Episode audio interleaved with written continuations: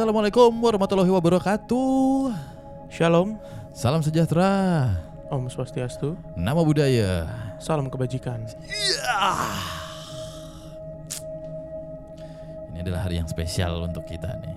Yoi, Pertama, apa?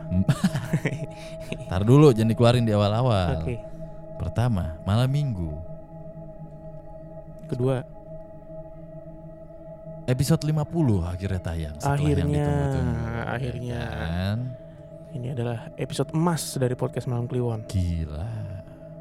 Berarti resmi kita 9 bulan ya, Le? Mengudara di Spotify dan nemenin Malam Kliwon teman-teman semua. Betul, kita udah berhasil melewati 9 bulan dengan lancar. Persalinan juga lancar, tidak sesar. Tidak sungsang. Tidak. Te- Tebolak tuh, Pak. Iya, sungsang. Heeh. Lancar lah ya. Sunsang tuh kalau di Mobile Legend ada tuh Yisunsang. Aduh, gua nggak main lagi. Kalau nggak main. Lu emang main lu? Main gua dulu top 5 ini Aurora gua Magic Anjay, top serius 5 top 5 eh enggak top 10 eh, Magic di Indonesia the best enggak Tatan eh, ponakan kita itu eh Mhm. ponakan kita ponakan gue itu lebih ke parah lagi si Yisun Sin ini dia Eh, Tatan tuh ipar lu, Le, berarti, Le. ipar bego lu gimana lu saudara lu goblok. iya Iya. Balik lagi nih kita Wah, di podcast Malam Kliwon.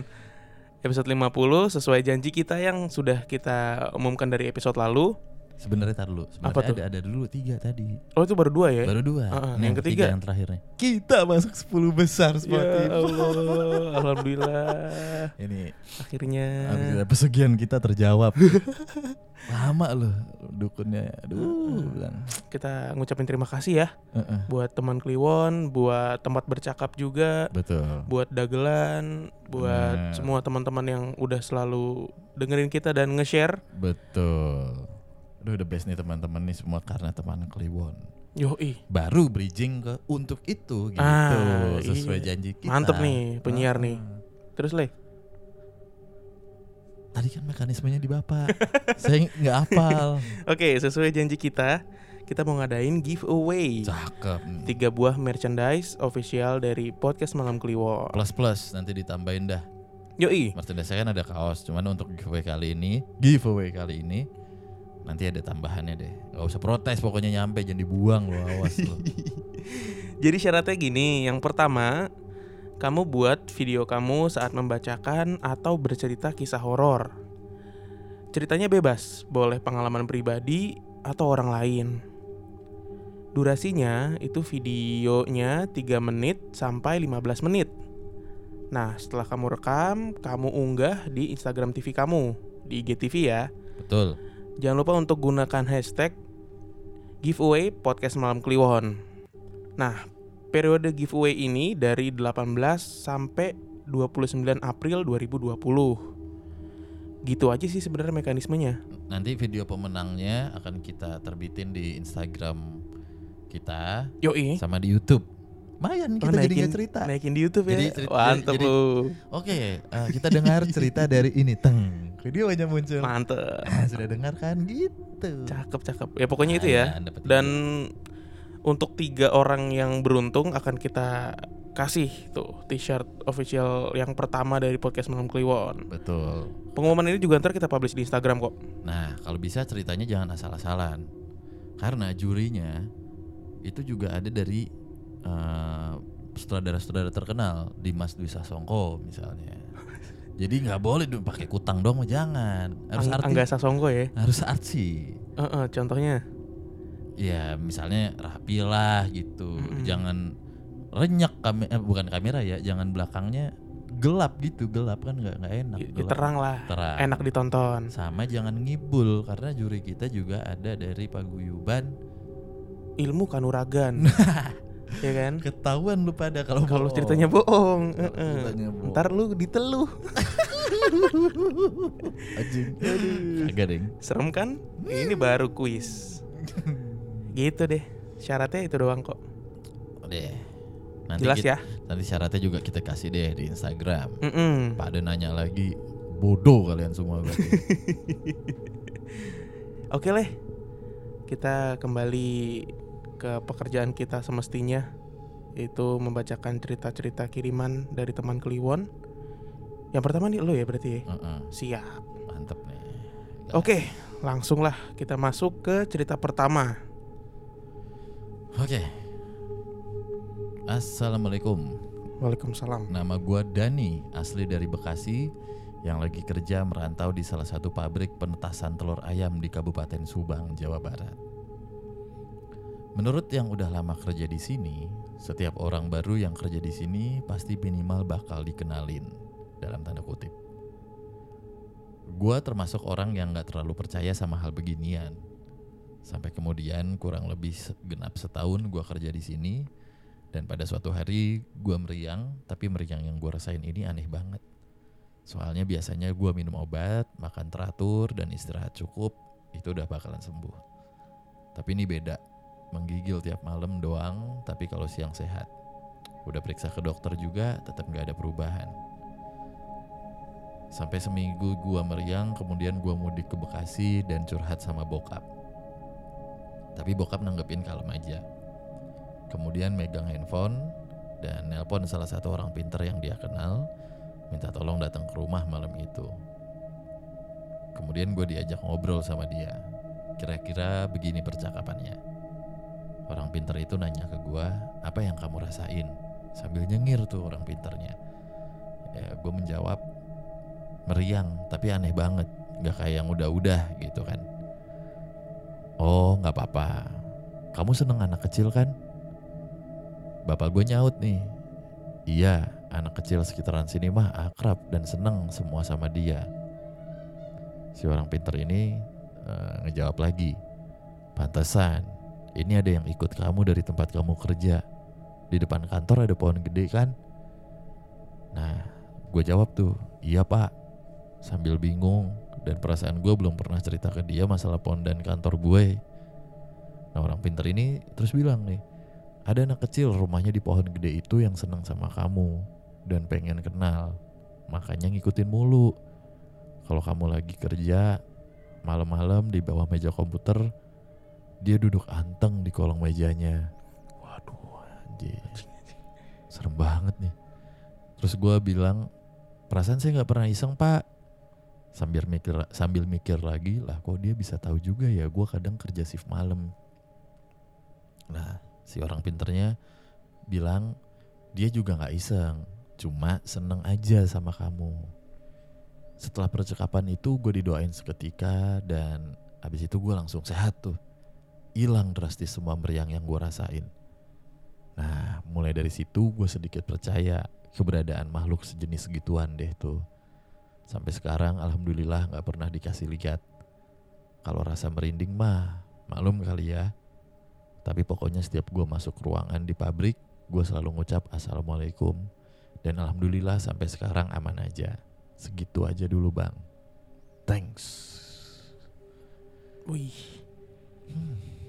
Dia karena ini ya berarti ya, karena suka main sama anak kecil, akhirnya si jin-jin anak-anak kecil ini jadi suka sama dia ya, Iya. dia nempel. Emang beda sih ya. Kalau anak gede suka sama anak kecil kan, anak kecil paham gitu. Mm-mm. Auranya gitu kan, kayak nerimo gitu. Friendly nih, friendly, nih. Iya, Heeh. iya. Terus peternakan. Iya, gue ngebayangin ini leh tempat kerjanya Heeh, apa peter- itu? peternakan apa tadi? Eh, peten- Penetasan. penetasan ayam Pabrik penetasan telur ayam di Subang. di Subang. Buat cornering enak tuh Subang tuh. Wih, jalanannya ya. Heeh. Wah, gila penetasan telur ayam. Gue pernah waktu gue main ke pade teman gue lah di Ngawi, Mm-mm. dia juga sama tuh ininya usahanya peternakan ayam gitu, Mm-mm. ayam-ayam petelur. Mm-mm. Itu gedenya gede banget. Ada berapa kandang ya? Kayak ada tiga kandang gede gitu, Mm-mm. tapi manjang gitu loh. Oh iya. Heeh. Gede banget Gede. dan ya gelap. Mas gue penerangannya seadanya namanya buat ayam ya, buat anget-angetin, Heeh. buat angetan doang. Tapi dia kerjanya berarti di office ya, kalau ada meja ya. Soalnya kan pabrik, Iya sih, pabrik penetasan ya. telur. Iya iya iya. Jadi mungkin ya, gua nggak tahu juga nih. Mm-mm. Mungkin ada telur yang udah ditetesin dibawa ke situ gitu. Eh, ah, telur yang udah eh bagaimana ya? Hmm, mungkin lebih modern kali ya. Ah, ah mau lebih Modern. modern. Ih, Ber- gila lu bayangin ya lu lagi kerja nih, Hmm. duduknya di meja, Ada di kolong lu gitu. ada yang duduk kayak anteng ya. anteng ngikutin. Kayak ini kali ya. Harry Potter sama Dolby. Iya. Dan doi meskipun gak iseng gitu ya nggak gangguin, tapi bikin sakit ya Le. Ya, Kenapa ya, Le? ben- benturan energi kali. Kalau di Kaskus Mm. CMIIW nih. Cemiu. Cemiu, correct me if I'm wrong. Iya, bikin sakit ya meskipun apa namanya tujuannya nggak ganggu atau neror gitu. Atau oh iya ya. Kenapa ya? Gak tahu gue. Biasanya kan harusnya mah nggak bikin sakit ya. Harusnya Hmm. bikin sepatu kinclong gitu. Karena dia di kolong Di ternyata kolong. nyemir. Bangsat lu. Sebenarnya pakai yang Kiwi. kiwi yang kaleng le, bukan yang gosok. Oh, belum ada. Belum ada kaleng pakai sikat. Bukanya gini nih, kunci nyamping. Iya bener ya kan? Eh, Lawas banget. Pulang tipes kali nih sebenarnya nih ah. Iya kali ya. Iya. Tapi yang gue salut bapaknya sih Mau bokapnya ini ya. hari begini mah demen gue punya bapak kayak begini. Mm-mm. Coba gue sakit sama bapak gue yang anaknya tentara. Ini Boro-boro cuman yang ngir doang. Lapo- Hmm. laporan sakit langsung nelfon orang pinter ya. Iya, ini mah laporan sakit mah diem aja udah bokap gue. Manja kamu. Heeh. Gitu. Lawan. Wih. Disuruh lawan. Oke lanjut ya. Lanjut. cerita kedua nih. Assalamualaikum warahmatullahi wabarakatuh. Selamat sore, Bang Danu dan Bang Bimo. Horas Bang. Wih, Wah. saya pendengar setia podcast Malam Kliwon di. Spotify. Siap. Nama saya SS Siregar. Saya berasal dari Medan dan saya alumni dari salah satu pesantren modern terbesar dan terkenal di kota Medan. Wow. Karena rata-rata kiai dan ustadznya itu berasal dari alumni pesantren yang terkenal dari Ponorogo, Jawa Timur. Nah, di sini saya mau nge-share cerita saya pas saya masih sekolah di pesantren. Jadi, kejadiannya itu sekitar tahun 2005 atau 2006. Saat itu saya masih kelas 2 atau kelas 3 sanawiyah Hmm. setara SMP dan tinggal di asrama, sebut saja asrama S lantai 3. Sebagai informasi, di pesantren ini semua santri dan santriwatinya itu tinggal tinggal di asrama pesantren yang terpisah. Asrama S ini sudah terkenal angker, terutama lantai paling atas, yaitu lantai 3. Kamar saya itu kamar 4, kamar yang paling ujung Mm-mm. dan tangga untuk naik turun itu di ujung yang satunya lagi di samping kamar nomor satu. Nah, di setiap kamar itu dihuni sekitar 18 santri ditambah dengan dua senior kelas 5 atau kelas 2 aliyah setara SMA selaku pengurus rayon. Ketika hari kejadian, saya mendapat giliran tugas sebagai petugas rayon beserta seorang teman saya. Jadi, petugas rayon itu tugasnya membersihkan teras rayon, mengisi air minum, dan menjaga keamanan rayon. Petugas rayon juga mendapat kompensasi untuk tidak masuk jam pelajaran dan tidak ikut jamaah, sholat, dan tilawah ke masjid. Kejadiannya bermula ketika azan maghrib mulai berkumandang. Saat itu, seluruh rayon sudah kosong karena seluruh santri sedang jamaah di masjid. Saya sedang duduk santai di depan kamar 4 untuk menjaga keamanan rayon. Sedangkan teman jaga saya sedang sholat maghrib di kamar 1. Tiba-tiba dari arah tangga yang temaram datang pengurus rayon yang tinggal di kamar saya. Dengan lari tergopoh-gopoh, dia masuk kamar sembari memanggil saya. Sebut saja namanya Bang Abdul. Regar, pinjam dulu lemarimu untuk sembunyi. Saya lagi tidak ikut sholat ke masjid dan di bawah lagi ada patroli dari ustadz untuk mengecek siapa-siapa yang gak ikut sholat jamaah. Jangan kasih tahu siapa-siapa saya di sini ya. Begitu katanya dengan napas yang terengah-engah. Dengan buru-buru, saya buka kunci dan gembok lemari saya. Jadi lemari saya selain kunci lemari standar, saya kasih kunci gembok biar lebih aman. Hmm. Bang Abdul itu pun masuk di ruang lemari tempat gantungan baju yang lumayan besar dan bisa ditempati satu orang dengan posisi duduk atau jongkok. Kemudian, sesuai arahan dari Bang Abdul, lemari itu saya kunci dan gembok kembali. Saat itu saya nggak mikir aneh-aneh. Kenapa Bang Abdul nggak sembunyi di lemarinya aja ya? Pikir saya mungkin lemarinya lagi penuh barang-barang atau pakaian. Setelah ngunci lemari, saya kembali duduk di depan kamar 4 untuk berjaga. Dan selesai teman saya sholat, saya gantian sholat maghrib. Selesai saya sholat, saya dan teman saya bergegas ke dapur umum buat makan malam. Karena emang udah jadwalnya abis sholat maghrib itu makan malam buat seluruh santri dan santriwati. Nah, saya benar-benar lupa nih kalau Bang Abdul masih terkurung di lemari saya dan kunci lemari ada di kantong saya. Pas udah sampai di dapur umum, seluruh santri udah pada ngumpul di meja masing-masing nih buat makan malam dan saya ketemu dengan Bang Abdul di meja makannya. Waduh, mampus nih, saya kelupaan bukain pintu lemari buat Bang Abdul. Hmm. Pasti pintu lemari udah didobrak nih. Pikir saya begitu saat itu. Dengan buru-buru, saya samperin tuh Bang Abdul buat minta maaf. Bang Abdul, maaf ya, saya lupa bukain pintu lemari. Abang nggak apa-apa kan? Ucap saya begitu di, di, di meja makannya. Namun anehnya muka Bang Abdul malah kelihatan bingung. Sambil mengenikkan dahi, dia bilang, Lemari apa? Waduh, saya makin bingung nih. Terus saya tanya, bukannya abang sembunyi di lemari saya biar nggak ketangkep sama patroli ustadz yang ngecek santri yang nggak sholat jemaah? Saya tanya kayak gitu. Hah?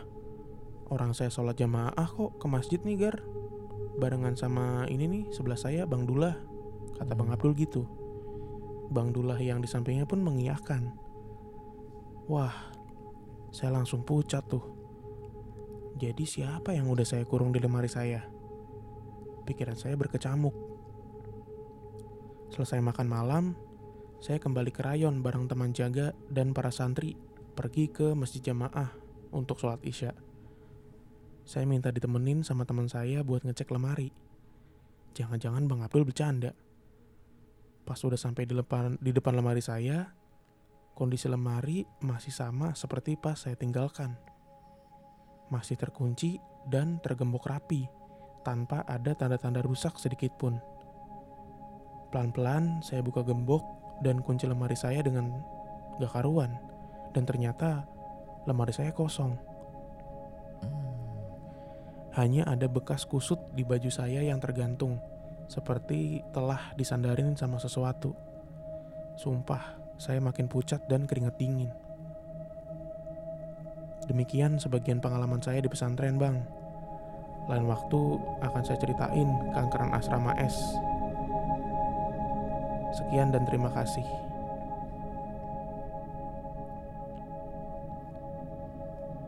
Serem banget. Bisa begitu ya? Anjing orang ininya hilang dah seniornya. Iya.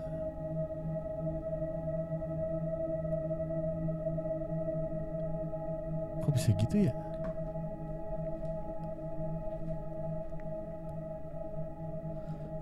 Masuk akal? Enggak masuk akal gitu? Emang gak masuk akal sih. Mana ya?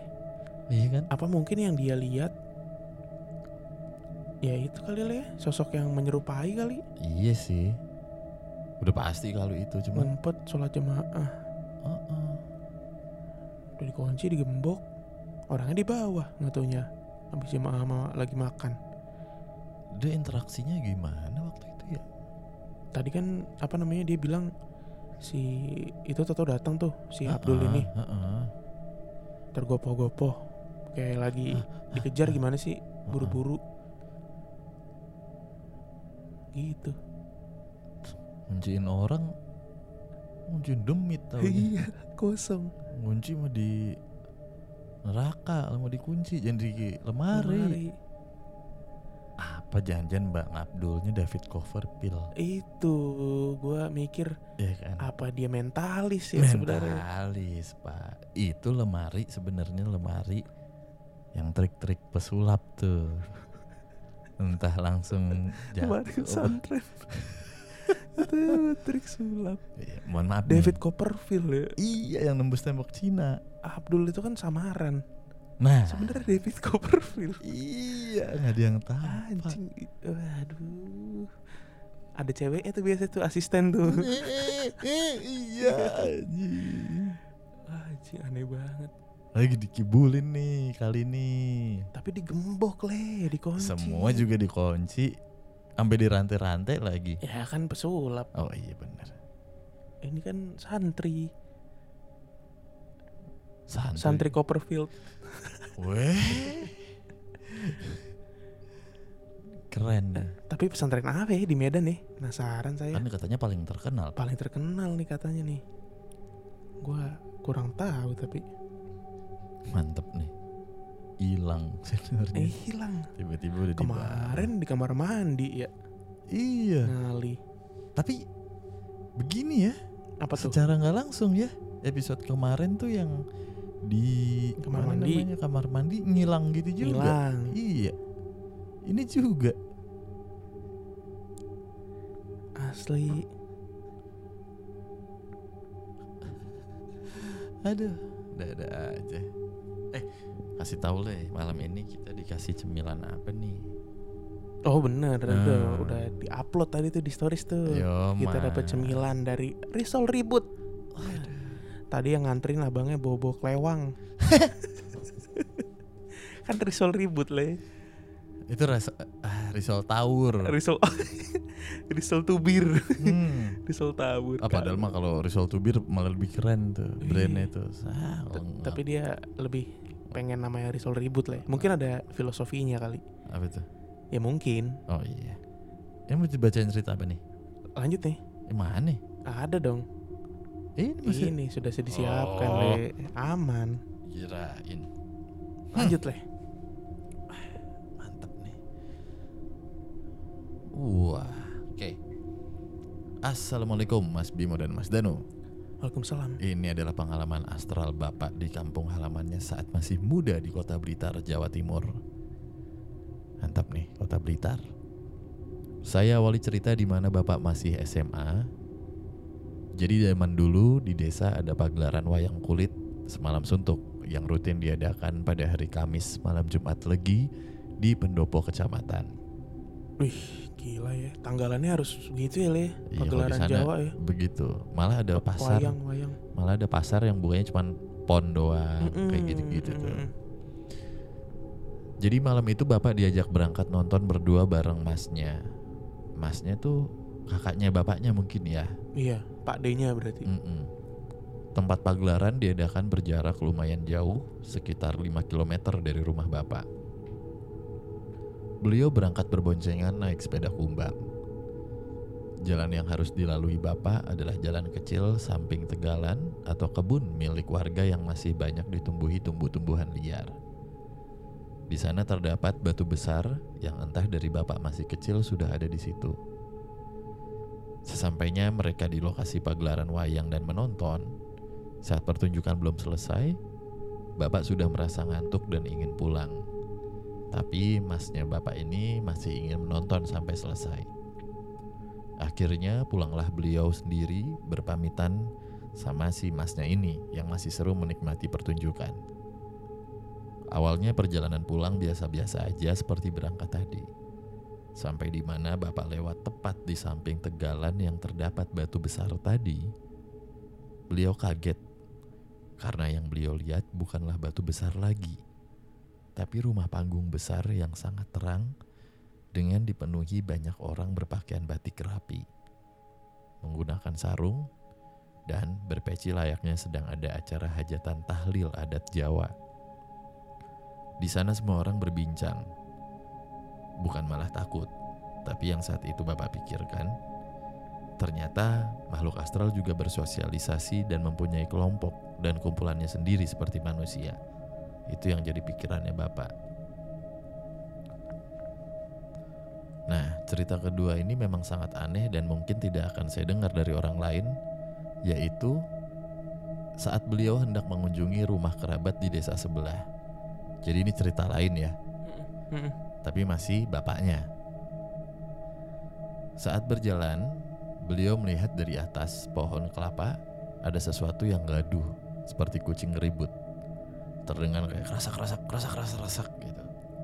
Setelah diamati lagi, ternyata ada dua sosok seperti sedang bekerjaran turun, kejar-kejaran turun. Sosok itu yaitu pocong. Setelah dua sosok itu sampai di bawah, yang kebetulan di situ ada tanaman ubi jalar, beberapa menit di situ masih terlihat dedaunan bergerak hebat, dan tidak beberapa lama satu sosok pocong lagi naik ke atas, dan yang satu lagi terbang pergi entah ke mana. Dan yang paling mengherankan lagi, pohon kelapa itu bercerita bahwa tanamannya rusak berantakan. Pemilik pohonnya. Pemilik pohon Oh. Berarti yang kemarin beliau lihat adalah nyata dan bukan halusinasi. Mm. Nah, ada cerita lagi dari bapak yang sedang berjaga sawah pada malam hari sebelum dipanen ketika subuh tiba. Kebetulan sawah milik orang tua beliau bertempat di samping persis pemakaman desa. Model pemakaman di desa pada waktu itu nggak bertembok dan langsung bertemu dengan pematang sawah. Tapi tanah makam lebih tinggi sekitar selutut orang dewasa. Hanya ada beberapa gapura kecil, sorry, hanya ada gapura kecil untuk akses keluar masuk pemakaman. Nah, berjarak sekitar 2 meter di samping gapura akses pintu masuk makam, oleh orang tua bapakku dibangun gubuk kecil untuk tempat beristirahat setelah bertani di sawah. Ceritanya saat itu jam 12 setengah malam, bapak lagi berjaga di gubuk sambil dengerin radio yang dibawa dari rumah. Tiba-tiba tanah di sekitar pemakaman berguncang hebat dan terdengar suara bergemuruh seperti sedang terjadi gempa. Tapi getaran itu hanya berlangsung selama lima menit aja. Lalu udah gak terasa lagi. Dan beliau kembali melanjutkan berjaga sambil memikirkan apa yang baru terjadi. Singkatnya, pagi hari setelah panen selesai, Bapak menanyakan nih ke Pak D-nya yang bantu proses panen. Pakai bahasa Jawa. Pak D, dek bengi nopo wonten lindu. Sorry, Pak D, dek bengi nopo wonten lindu. Itu artinya Pak D tadi malam ada gempa ya kayak gitulah. Hmm. Pak D-nya ngejawab bahwa kemarin malam nggak terjadi apa-apa. Ya udah, Bapak menganggapnya angin lalu lah. Mungkin beliau ngelantur karena kecapean. Lepas itu kaget tuh Bapak saat pulang mendapati kabar duka bahwa tadi subuh tetangga sebelah rumah meninggal. Dan anehnya pada masa panen berikutnya saat giliran Pak D beliau yang berjaga, si Pak D-nya ini juga cerita dia ngalamin hal yang sama seperti yang Bapak alamin di malam itu. Dan bener besokannya ada warga desa yang meninggal.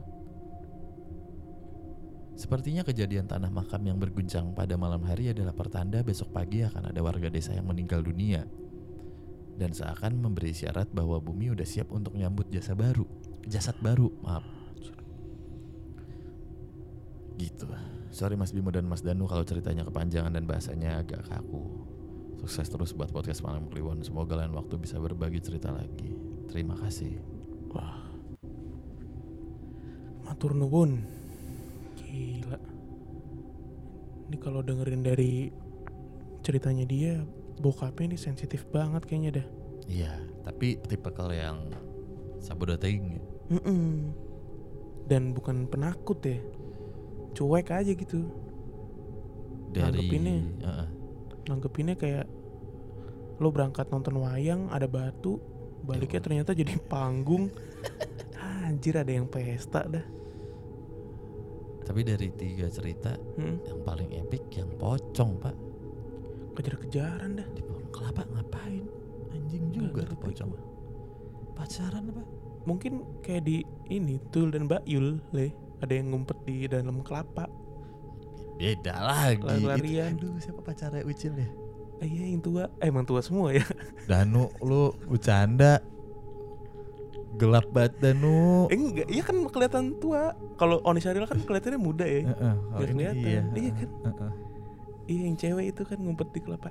Sini cil, narik tangannya. Itu pocong ngapain naik turun ke pohon kelapa? Bercanda le main. Terus nggak digubris kan bapaknya? Bapaknya ngelengok doang. Wih lagi main nih Iya. sobat-sobat. Itu kalau pocong masih sehat ya. Maksudnya eh, emang udah mati. Udah mati mau masih sehat gimana ceritanya? Pocong bilang, "Om." gitu. Iya. Cuma teriakin gitu tuh. Iya. Ini diliatin ya. Om. Iya. Ya gitu. Iya. Eh itu orang Betawi. Ini orang Jawa le. Orang mana tadi? Eh, Blitar. Blitar. orang Blitar nggak gitu nyautnya. Mm-mm, petasan tuh. Bletar. Wah, Bola le, bola Blitar. bleter. Gila. Ah yang terakhir nih juga le, Apa itu? yang di makam le. Duk duk duk duk duk. Iya, anjir. Kayak kayak ini, kayak sinetron Hidayah. Iya, begitu persis. Tanahnya ngegoncang. Heeh. Eh iya ya. Tanda-tandanya Iya, gitu ya, kayak ada yang ngomong Mau dimakamin. makamin bener. Dan ini bener banget nih, kalau lu mau ada panen, malamnya Iya. pasti ada yang nginep. Iya. Iya kan nih le? Bener, bener. Ada yang nginep tuh di gubuk, Ah. jagain. Dia dengerin podcast malam kliwon tuh bapaknya tuh. Belum ada le. Oh belum. Belum ada podcast. Ini radio masih AM, belum FM. Gue injek pala lu. Susu kambing tuh iklannya tuh. Oh iya. Oh kalau di daerah-daerah Blitar gini, radio zaman dulu iklannya ini lah, pupuk gitu-gitu. Oh iya bener anjing. Apalagi ya biasanya ya, Itu Emas. Emas. emas, pupuk, beras rojo lele gitu-gitu. Eh, eh, ya. beras sama bank perkreditan biasanya. Ada Iya. pinjaman. Koperasi pinjaman Eh, gitu-gitu tuh. di- Simpedes. Heeh. Ada Berarti nggak jadul-jadul amat ini. Paling di 80-an ini. 80-an lah ya. Heeh. 70 kali ya. Aduh, oke. Pas satu cerita lagi nih, gas. Ini namanya Fatih Ridwan. Oh cowok semua hari ini nih. Oh iya cowok ya? Heeh. Sampai ada yang bilang nggak jadi deh. Adalah. Heeh. Selamat malam Bang Bimo, Bang Danu. Malam. Gue mau cerita pengalaman gue waktu SMA di Lewiliang, Bogor. Wah. Jadi ceritanya pas gue SMA tahun 2014 lalu, gue aktif nih di ekskul seni teater. Oke. Nah, anak teater itu salah satu ekskul yang sering banget kalau pulang sampai lewat dari sore Mm-mm. atau lebih tepatnya malam lah. Kita juga sering pentas-pentas kecil-kecilan di daerah Bogor Barat. Nah, pada suatu hari kita setelah pentas itu balik pukul 11 malam. Dan harus balikin alat-alat yang dipakai pas pentas. Kayak alat-alat tradisional angklung dan berbagai jenis-jenis gamelan. Sesampainya kami di ruang teater, kami biasa aja lah karena emang udah sering kan balik malam di sekolah. Nah malam itu kami hanya berempat karena yang lainnya udah pulang duluan soalnya perempuan semua. Nah teman gua yang satu bilang bahwa kita belum sholat isya nih gitu. Ya udah kami memutuskan untuk sholat di ruang teater. Karena ada WC di sebelah ruang teater. Kita masih biasa aja tuh. Kita taruh alat-alat gamelan sembarangan naruhnya ya udah kami sholat lah. Imamnya temen gue nih. Rokat pertama masih biasa aja. Rokat kedua gue sendiri udah mulai merinding nah pas rokat ketiga tiba-tiba itu alat gamelan pada bunyi sendiri ting tang ting tung ting tang ting tung kayak gitu suara gamelan Mm-mm. kita udah gelisah dan kaget. Dan di rokaat terakhir makin kaget banget karena bunyi angklung dan semua alat-alat yang kita bawa tuh bunyi semua. Belum selesai sholat, kita udah bubar karena ketakutan. Kita lari dong karena ketakutan. Dan teman-teman gue bilang kalau kita lupa nih ngerapin alat-alat itu. Karena biasanya semua alat kita cabutin dari tempatnya supaya nggak bunyi kayak gini. Sampai besoknya itu alat kami diemin tanpa dikunci tuh ruang teater. Itu cerita gue pas masih SMA. Nah, ada lagi nih cerita gue waktu gue kuliah. Jadi, gue kuliah di salah satu universitas negeri di Serang, Banten. Sama nih yang kemarin. Iya, oh kemarin ini ya, Serang juga. Serang juga ya bener ya. Nah, pas gue semester 5 itu lagi banyak-banyaknya tugas nih. Gue ada tugas kelompok sama teman-teman gue. Nah, gue memutuskan untuk kerja kelompok di kosan teman gue di belakang kampus. Kita kerja kelompok lah sore-sore di kosan Lida, nama teman gue. Nah, salah satu teman gue itu ada yang indigo namanya Esa. Dan dia perempuan. Gue ini cowok satu-satunya yang ada di kelompok itu. Kita nugas lah sore-sore sekitar jam 4. Awalnya biasa aja. Cuma pas udah mau azan maghrib, tugas kita udah mau selesai nih. Tinggal finishing touch lah, tinggal terakhir-terakhir. Tapi keburu azan. Nah teman gue yang indigo ini bilang, tunda dulu yuk, kita maghriban dulu. Terus si Lida nih nyaut, tanggung lah dikit lagi nih. Ya udah, Lida maksa tuh buat menyelesaikan tugas itu. Tiba-tiba laptop yang kita pakai nggak bisa dipakai untuk ngetik. Lida yang lagi ngetik nanya ke gua, kenapa nih laptop kok nggak bisa dipakai buat ngetik karena itu laptop gua. Nah gue bilang, "Ya nggak tahu tadi juga bisa kok biasa aja. Nah si Esa ini nyeletuk, kan kata Esa juga apa mending sholat dulu digangguin kan. Nah tiba-tiba gue merinding bang. Terus lidah yang depan laptop tiba-tiba nangis.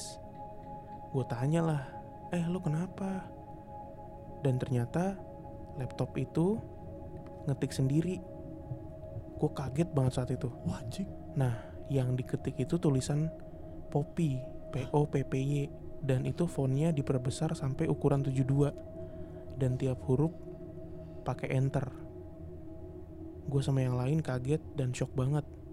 Si Lida langsung nangis ketakutan dan si Esa nyamperin laptop itu sambil bilang, "Udah, udah, nggak usah ganggu lagi ya." Udah tuh, kata si Esa, ternyata sosok itu adalah sosok eh orang yang dulu pernah ngekos di sini dan meninggal gara-gara sakit. Kayak gitu, asli gue shock banget. Itu laptop gue ternyata kata si Esa ditutupin tangannya, makanya si Lida tuh nggak bisa ngetik. Sekian cerita dari gue bang. Maaf kalau berbelit-belit. Epic. Gitu le. Gua pas lo tadi cerita ya. Gua nungguin akhirnya nih. Gua kira laptopnya bekas siapa. Mm-mm. Taunya kagak anjir. Kan biasanya kalau beli laptop second ya sama mahasiswa nih, bukan Mm-mm. gimana-gimana. Gue juga dulu laptop second pak. Kita kan nggak tahu ya tangan dari mana. Dulunya punya siapa? Iya, Mm-mm. gitu kan. Taunya kosan ya. Atau yang paling parah ini le. Kalau ngomongin barang ya, Heeh. mobil yang digade. Ih bener Sama senjata tajam le Sajam juga ya. Sajam tuh katanya ya Kata Mm-mm. teman gua nih Mm. Kalau udah kena darah Nyari mulu le doi le Paham oh, gak? Anjing merinding gue. Kena. Oh iya iya. Iya Emang lo iya. misalnya beli samurai Atau beli Hmm. apalah gitu ya Mandau biasanya. Apa pun lah Heeh. gitu Tuh kalau udah pernah kena darah tuh Bacok orang gitu. Apa pun Entah lo Pokoknya berbuat yang nggak bener deh Oke.